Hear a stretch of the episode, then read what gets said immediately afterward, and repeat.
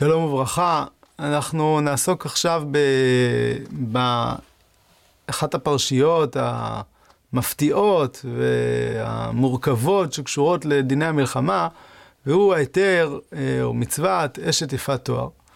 אה, ובתוך הרצף של כמה היתרים ראינו שהותרו במלחמה, מתוך הבנה שמלחמה היא בעצם עולם מקביל ואי אפשר להתייחס אליו באופן שגרתי, מכל הדברים האלה שטיפת תואר הוא המפתיע ביותר. אם מלחמה בשבת הותרה מתוך איזושהי הבנה של פיקוח נפש, מאכלות אסורים, גם הם או מצד פיקוח נפש או מצד היצר, התרנו מאכלות אסורים, פה יש איזושהי, אה, אה, איזשהו היתר שנוגע בתחומים הכי מקודשים ופנימיים של עריות, אמנם לא איסור עריות גמור, כי מדובר בגויה, אה, ועם כל זה, יש פה איסור חיתון, יש פה אה, דבר שלכאורה נוגד באופן הפקי, הופכי לחלוטין, את הרוח ש, של אה, אה, טהרת המחנה שמופיע בפרשייה על קדושת המחנה ונשמרת מכל דבר רע. אה, והדבר הזה באמת מעורר אה, תמיהות פנימיות אה, מהותיות. בנוסף, יש פה גם שאלה אה, גדולה ביחס לפרוצדורה כולה, מה היא באה להשיג, מה היא בעצם מבטאת. זה סוג של קידושין, זה סוג של גיור, מה, אה, איזה כל האלמנטים שאנחנו נראה אה, על הציפורניים ולבישת בגד אבלות ובכייה של חודש ימים, מה בעצם המטרה של הדברים האלה. אה, צריך כמובן על רקע הלימוד שלנו לזכור שה...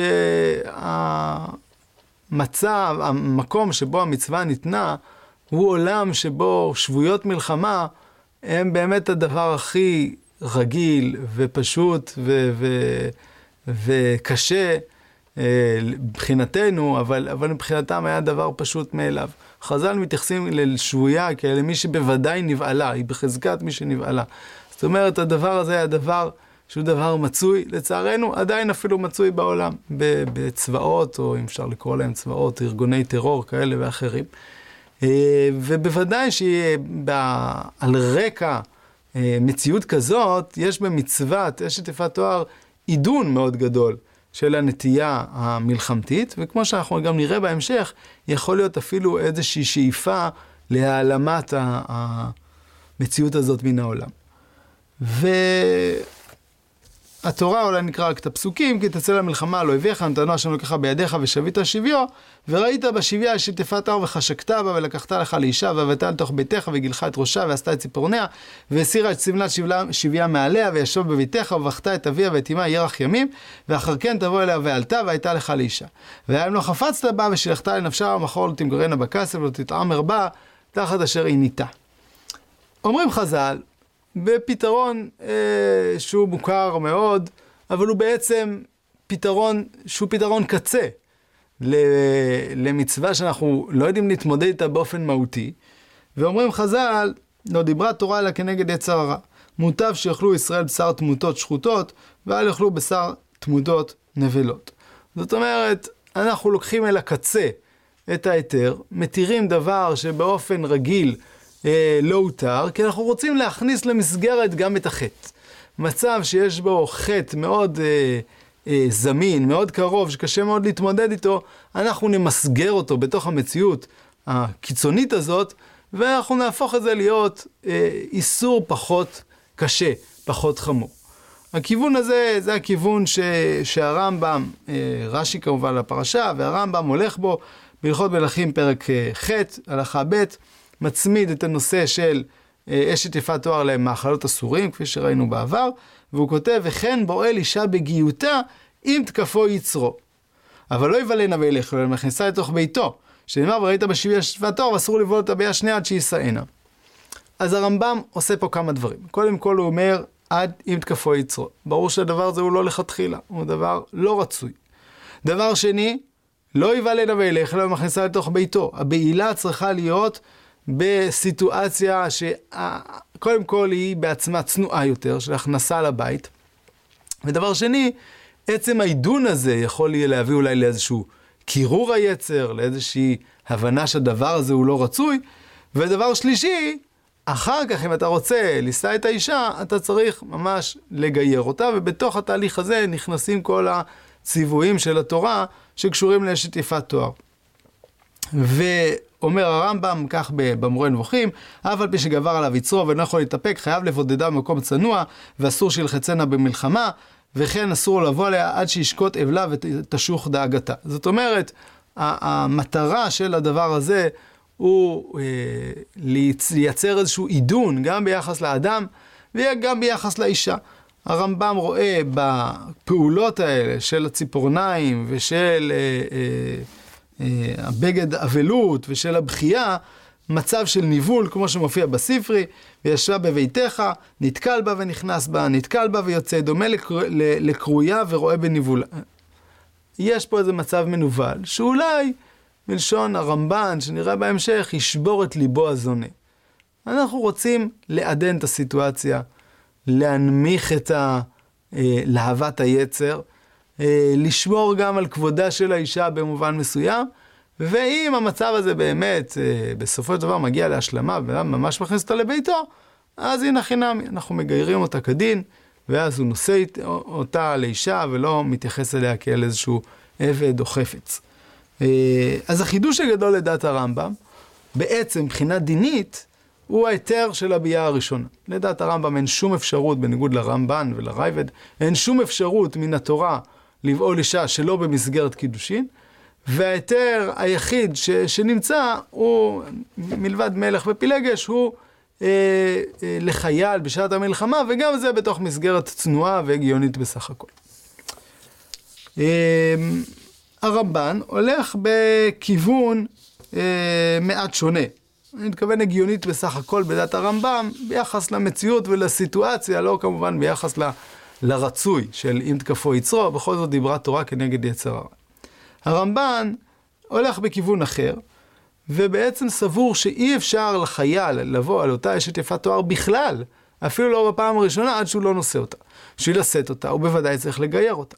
אז מה החידוש? החידוש הוא שצריך לעשות תהליך מאוד ארוך ומורכב, בשביל להגיע למצב הזה שבו היא מותרת לו.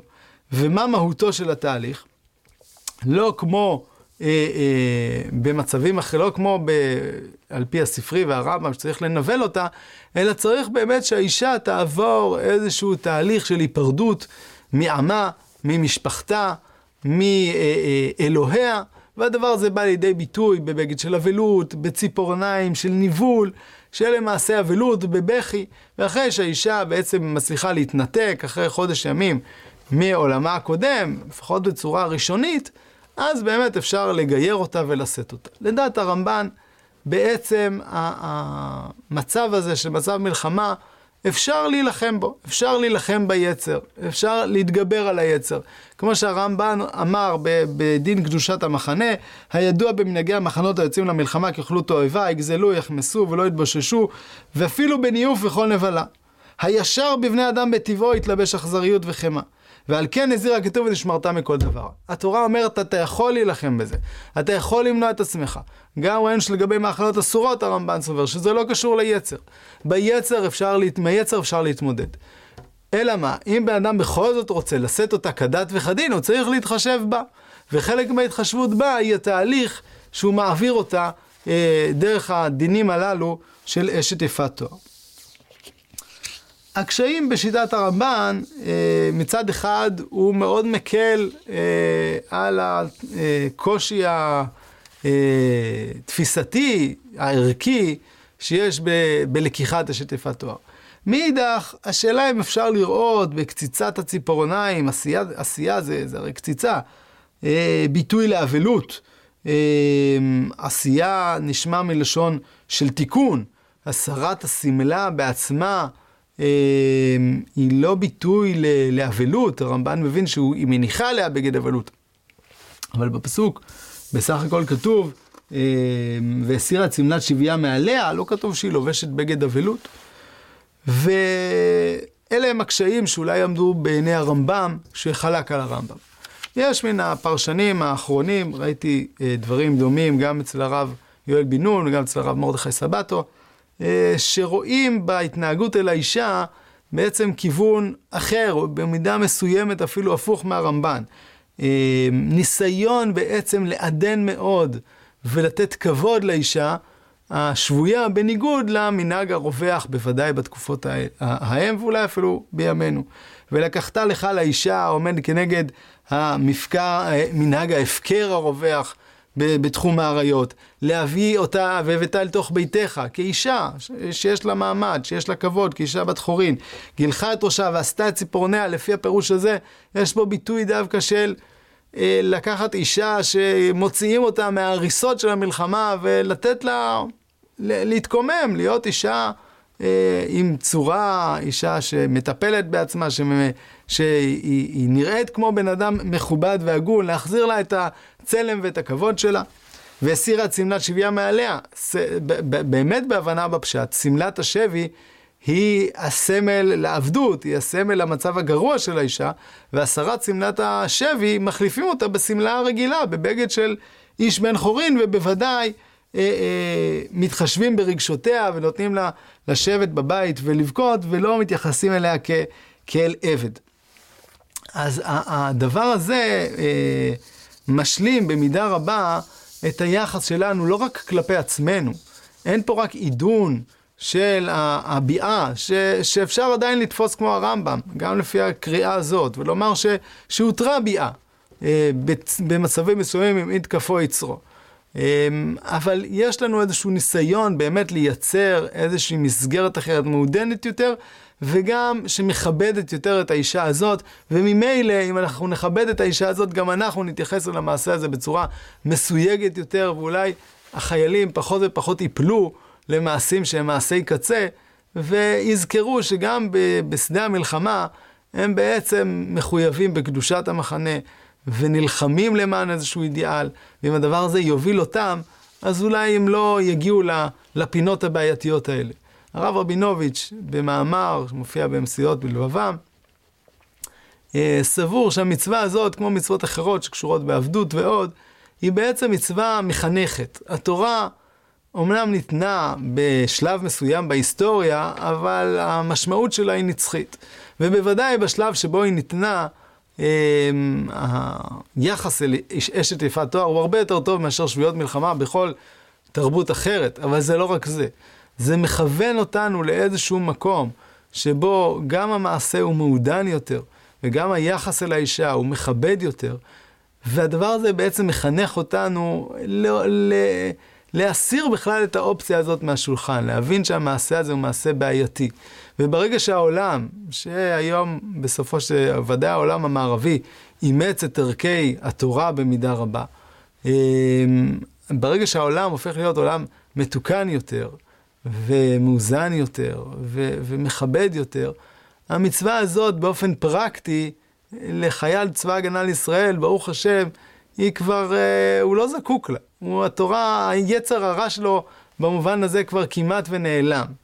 אבל החינוך, העיקרון, שבו גם בשעת מלחמה, שבו אנחנו צריכים לחנך את עצמנו כחברה, לשמור על הקדושה הפנימית, לזכור למה אנחנו נלחמים, לזכור את הערך, ערכיות שיש במלחמה, ולא להפוך אותה להיות כלי משחית, כלי ששחרור תאוות, של שילוח רסן, הדבר הזה הוא נשאר, גם אחרי שהעולם השתנה ברוך השם והתעדן והתעלה, אנחנו ממשיכים ללמוד את אותו לקח פנימי עמוק מאותה פרשייה של אשת יפת תואר, כמו מכל הסייגים כולם של פרשיות המלחמה שלמדנו.